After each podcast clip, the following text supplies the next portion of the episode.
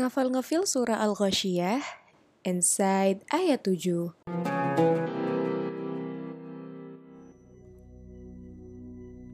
Mereka nggak peduli. Mereka cuma mau ngehilangin derita dahaga mereka dan kelaparan yang begitu mencekik perut mereka. Mereka akan tetap makan, walau makanan itu la yusminu, tidak menggemukkan.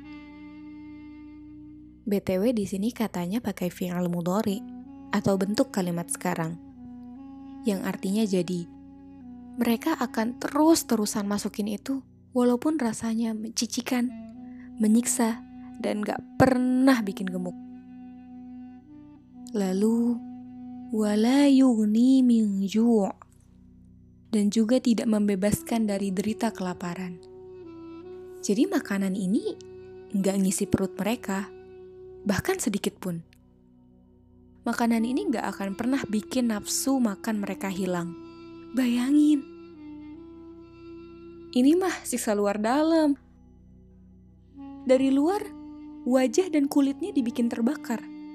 Dari dalam, makanan dan minumannya mencicikan. Panas dan sampai bikin ususnya terpotong-potong. Ya Allah. Allahumma ajirna minan nar.